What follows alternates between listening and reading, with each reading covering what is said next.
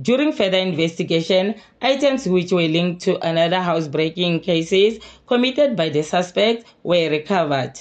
Additional case of possession of stolen property was opened for further investigation. The suspect will be charged and appear at the Nelspruit Magistrate Court on Thursday, the 11th of January 2024.